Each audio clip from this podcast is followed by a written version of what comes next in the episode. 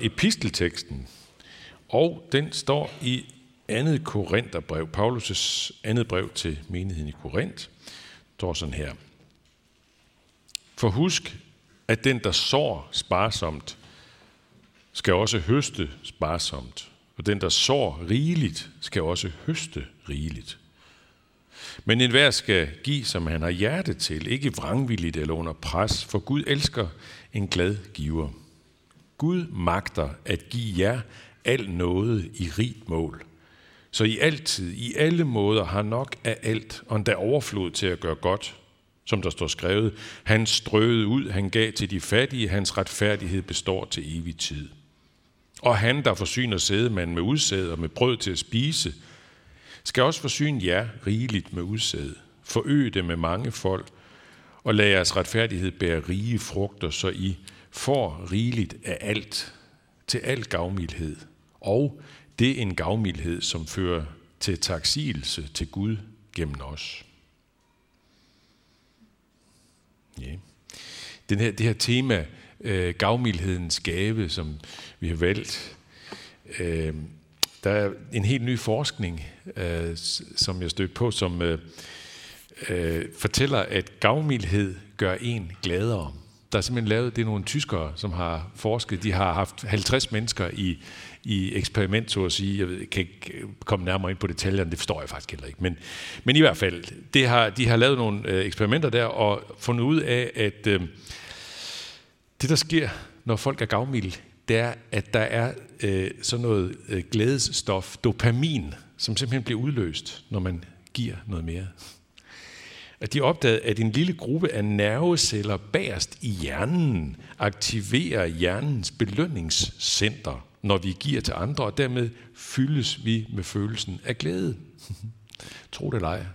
Øh, der er en øh, tysk professor der, som er ligesom lederen af det, Sojong Park, ned fra Lübeck Universitet. Hun siger sådan her, øh, vi viser for første gang videnskabeligt en forbindelse mellem generøsitet og glæde i den menneskelige hjerne. Så det er sjovt, ikke? fordi det på en måde er, det er, som om, det er næsten som en videnskabelig bekræftelse af det, Paulus siger. Hvad er det, han siger? Han siger, at den, der sår rigeligt, skal også høste rigeligt. Det kan man selvfølgelig godt forstå meget bogstaveligt faktisk. Den, der sår rigeligt, vil også komme til at få det tilbage, altså helt kontant, helt bogstaveligt, ikke? Øh, det kan man, og det er der faktisk nogle vidunderlige eksempler på. Nogle af jer har sikkert også hørt om det, eller læst om det. Øh, jeg øh, stødte på det for et par år siden i et interview med en, som jeg kender rigtig godt, Erik Nielsen, som fortæller i et interview, at han, øh, da, hans, øh, da de havde, ham og hans kone havde to små børn, så kom han pludselig en dag, kom den tanke til ham, at han bare skulle give et meget bestemt beløb faktisk til en missionsorganisation. Og øh, så kigger han på deres konto, som havde de penge, de skulle bruge resten af måneden, og det var præcis det beløb, øh, han fik en tanke om, at han skulle give væk. Og så gik han ind i en form for diskussion med Gud, faktisk. Det, det tog noget tid, hvor han synes godt nok, det her, det, det duer altså ikke. Men han ender så med at sige, okay, så gør jeg det, men så er det også dit ansvar, siger han så til Gud. Nå, så er han på vej ned øh, til posthuset for at lægge de her penge øh, og få dem sendt afsted. Og på vej ned, så støder han på en bekendt, som går hen til ham og stikker ham en konvolut i hånden. Og da han så åbner konvolutten, så er der præcis det kontantbeløb i, som han nu var på vej ned for at aflevere. ja, så den, der så rigeligt, skal høste rigeligt. Også helt bogstaveligt. Det er der virkelig historie om. Men jeg er helt sikker på, at Paulus også tænker det her i overført betydning, når han siger det på den her måde. Høste rigeligt. For eksempel i form af glæde. I form af glæde i form af glædestoffet dopamin. Det er sjovt, ikke? Det er som om Guds ord gennem apostlen Paulus bekræftes af en videnskabelig undersøgelse af Guds skabervirkelighed. Og det er jo ikke mærkeligt i virkeligheden. Og det er jo uanset om dem, der undersøger det, uanset om videnskabsfolkene er, er Guds troende eller ej, det har ingenting at sige. De undersøger Guds skabervirkelighed under alle omstændigheder. Nå, men nu så skulle man så tro, ikke også, at så kører gavmildheden der bare derudaf. Fordi hvem vil ikke gerne have dopamin? Altså noget mere af det der, det er jo en slags morfin. Ej, det ved jeg ikke, men altså noget i den stil, ikke? Øh, det er ligesom når man, øh, øvrigt, når man øh, bader i, øh, jeg tror det er det samme, er det ikke det? Øh, når man, bad, når man øh, vinterbader, det gør jeg noget, og så, så kommer der nemlig også en stærk, det, det vil bare lige en lille sideanbefaling. Nå, dopamin. jeg ved ikke, om det er det. Nå, men i hvert fald, øh, jeg skulle man tro, ikke også, at gavmildhed bare, altså bare udfoldede sig sådan i vores samfund og der, mellem os alle sammen. Men det gør det jo ikke. Hvis, jeg, tror, jeg tror altså, øh, I må modsige mig på det kraftigste, hvis jeg tager fejl. Men jeg tror, hvis bare i en sådan forsamling som den her, så tror jeg, at, at vi må være ærlige og sige, at mange af os, at, at ikke alle nødvendigvis overhovedet, men mange af os må sige, at det, det ligger altså bare ikke lige til højre foden eller højre hånden at være gavmild for os. Og det svarer jo fuldstændig til det, som vi støder ind i gang på gang i det nye testamente for eksempel. For eksempel hos Paulus, men i den grad også hos Jesus. Selvom man er rig, så øger det ikke gavmildheden. Snarere tvært imod. Øh, det synes jeg også, jeg har stødt på. Det er jeg helt sikker på, at nogle af jer også har stødt på, sådan mere øh, direkte også bare ud i det almindelige liv.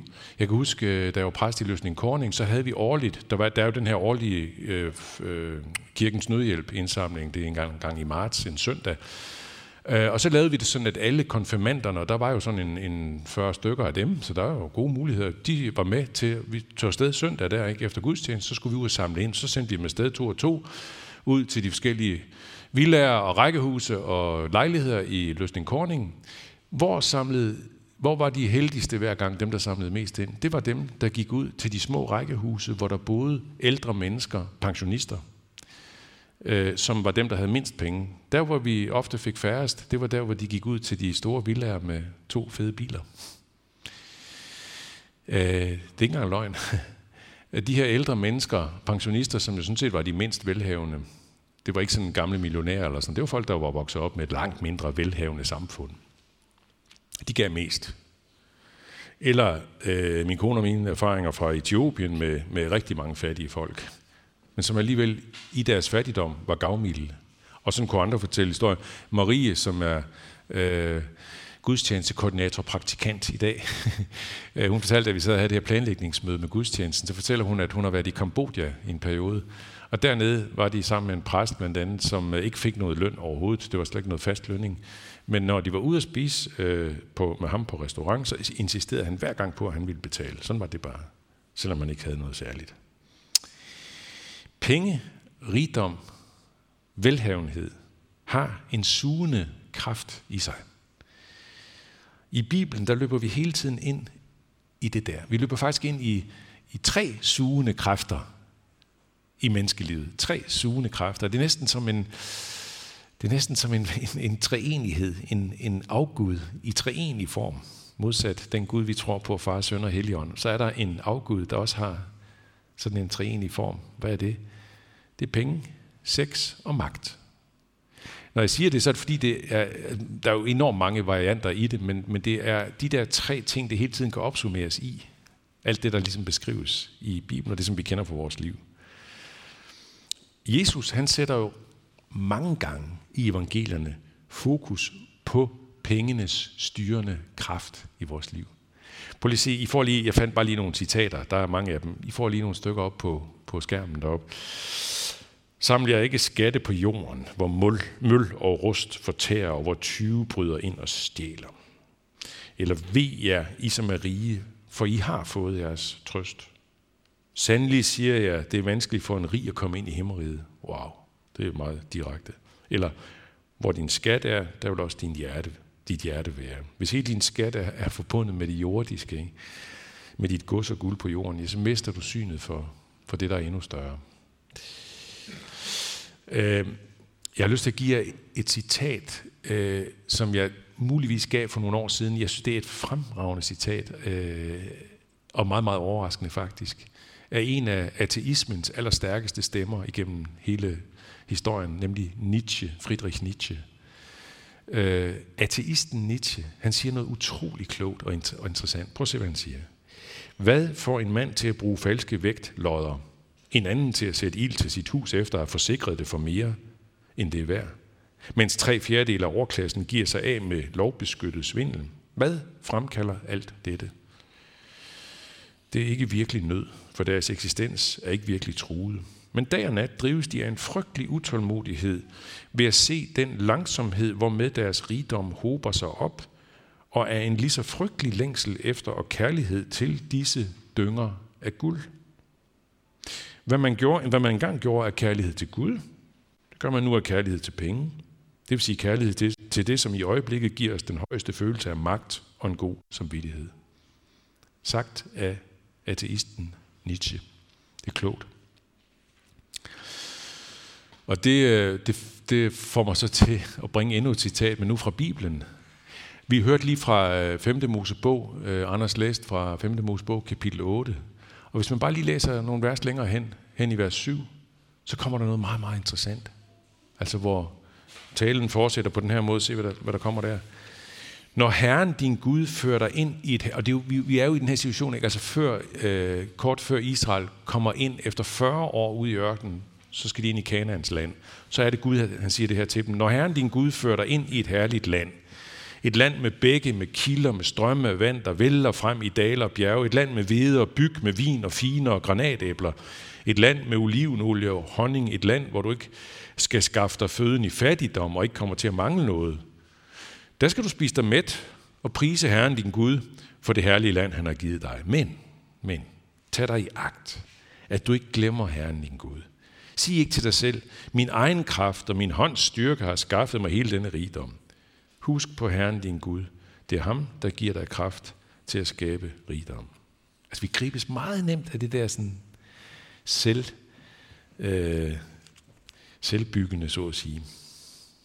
Hvad er modgrebet til det her? Hvad er modgrebet til alt det her? Jamen, teksten fra Paulus, som vi har lyttet til, den, den, øh, har, den er skrevet ind i en kontekst, der handler om en opfordring til pengeindsamling sådan meget konkret, så, så, så skriver Paulus om det her, øh, hvordan det, det kunne være fornuftigt at samle penge ind til nogle mere fattige kristne. Øh, men så bringer Paulus en dybde ind i det, i det, som vi har læst. Hvor han ligesom er inde på det her med, lad hjertet blive gavmildt, så du bliver en glad giver og en varig giver, altså en permanent giver. Og det ved at blive grebet af den gavmilde Gud.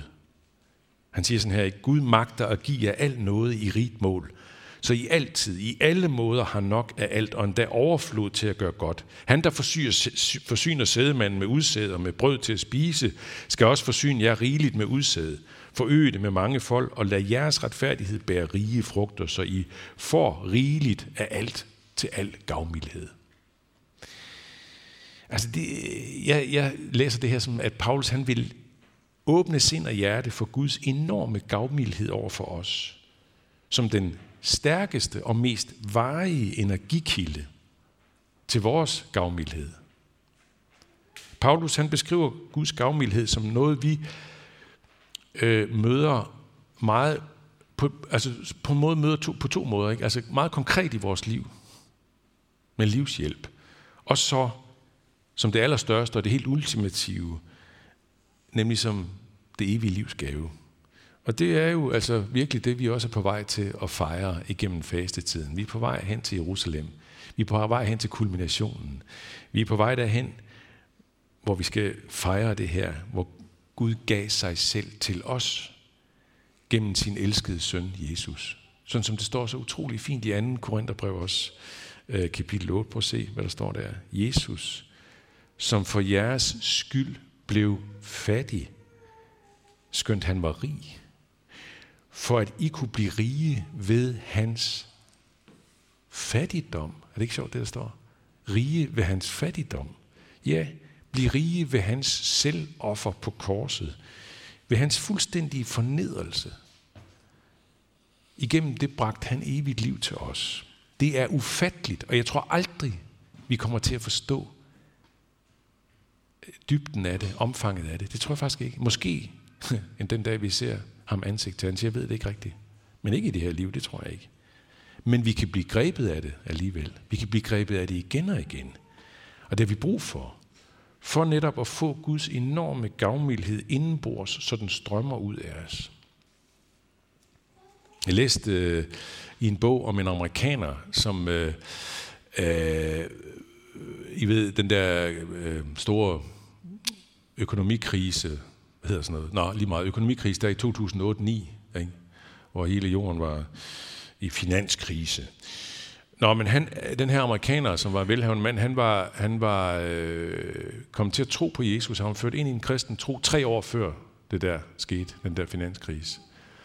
Og så fortæller han, at det var blevet hans ultimative tryghed, i stedet for det, det var før, nemlig pengene. Det der skifte var blevet meget afgørende for ham. Og så siger han sådan her, hvis denne økonomiske nedsmeltning var sket for mere end tre år siden, så ved jeg ikke, hvordan jeg skulle have klaret det. Hvordan jeg skulle have kommet videre. I dag kan jeg sige fuldstændig ærligt, at jeg aldrig har været lykkeligere. Lad mig slutte med at sige øh, noget, som jeg, det kan I måske nogle af jer godt kan huske, som jeg jævnligt siger, øh, når jeg slutter en prædiken. Det siger jeg også i dag. At det her, det har også noget i sig, et moment i sig, som handler om øvelse. Om simpelthen at øve sig i gavmildhed. Og tage det lidt sådan bid for bid. Og ikke tænke med det samme. Jamen, jeg, jeg skal altså sælge min lejlighed, jeg skal sælge min villa, jeg skal sælge min bil, og så skal jeg give det hele væk. Det er ikke for at sige, det kan godt være faktisk, at Gud han kan prikke til en og anden med det. Det tror jeg, gør, Gud gør indimellem. Øh, men, men uanset, altså jævnfør det der med Erik Nielsen, ikke? men uanset, hvad han kunne finde på med det, så er det klogt for enhver af os at tage fat i det med mindre skridt ad gangen, og ligesom bare lægge lag på lag med gavmildhed. Og der siger Paulus noget meget fint. Prøv at se, hvad han siger i 1. Timotius brev. Han siger sådan her, dem, der er rige i den nuværende verden, skal du byde, at de ikke må være overmodige og ikke skal sætte deres håb til usikker rigdom, men til Gud, som rigeligt skænker os alt, hvad vi behøver. Du skal byde dem at gøre godt og være rige på gode gerninger, og være gavmild og dele med andre, samle sig en skat som en god grundvold for den kommende tid, så de kan gribe det virkelige liv. Synes, det er meget sådan jordnært og jævnt og lige ud af posen, ikke? Hvor Paulus heller ikke siger, I må ikke være rige. Det siger han ikke faktisk. Men dem, der er rige, vær dog gavmild med det så. Og jeg har bare lyst til at sige, at jeg er helt sikker på, at vi alle til stede her tilhører den gruppe, som Paulus sigter mod. Nemlig de rige i den nuværende verden. Og det gør vi sådan set uanset, tro mig eller ej, men uanset om vi øh, er, om man er om vi nøjes med at tilhøre sådan den øh, lavere middel eller mid, midklasse, økonomisk middelklasse i samfundet, om vi tilhører førpensionister eller pensionister eller SU eller hvad vi gør.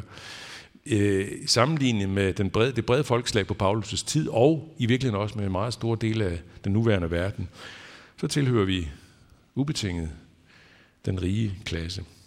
Lad os gøre gavmildhed øh, lad, eller lad os simpelthen sige på den her måde, lad os give gavmildhed øh, endnu et løft. Jævnfør det der, som jeg sagde i starten, med forskningen, der viser, at gavmildhed gør en gladere. Og ved I hvad, man kan gå ind på DR.dk, så kan man læse noget meget interessant også der, der flugter lidt med det. Øh, der er øh, noget der, som viser, at der har været en meget, meget omfattende forskning, også i nyere tid, på øh, Princeton Universitetet i USA. De har faktisk øh, øh, interviewet og talt med mere end 450.000 mennesker, så det er ret omfattende, må man sige. Og det har vist, at en vis mængde øget pengeindkomst gør faktisk folk gladere. Men så stanser det. Og det der, øh, den der, så at sige, øvre grænse i det der, den er ikke særlig høj faktisk. Og, og der er en dansk psykolog, som i den her sammenhæng, Henrik Tinglev, siger sådan, siger sådan her, i det øjeblik, man får sin lottogevinst, lønforhøjelse eller arv, bliver man rigtig glad, men det render ud. Yeah. Videnskaben bekræfter igen Guds ord. Vær gavmild og del med andre, og du bliver gladere. Lov takker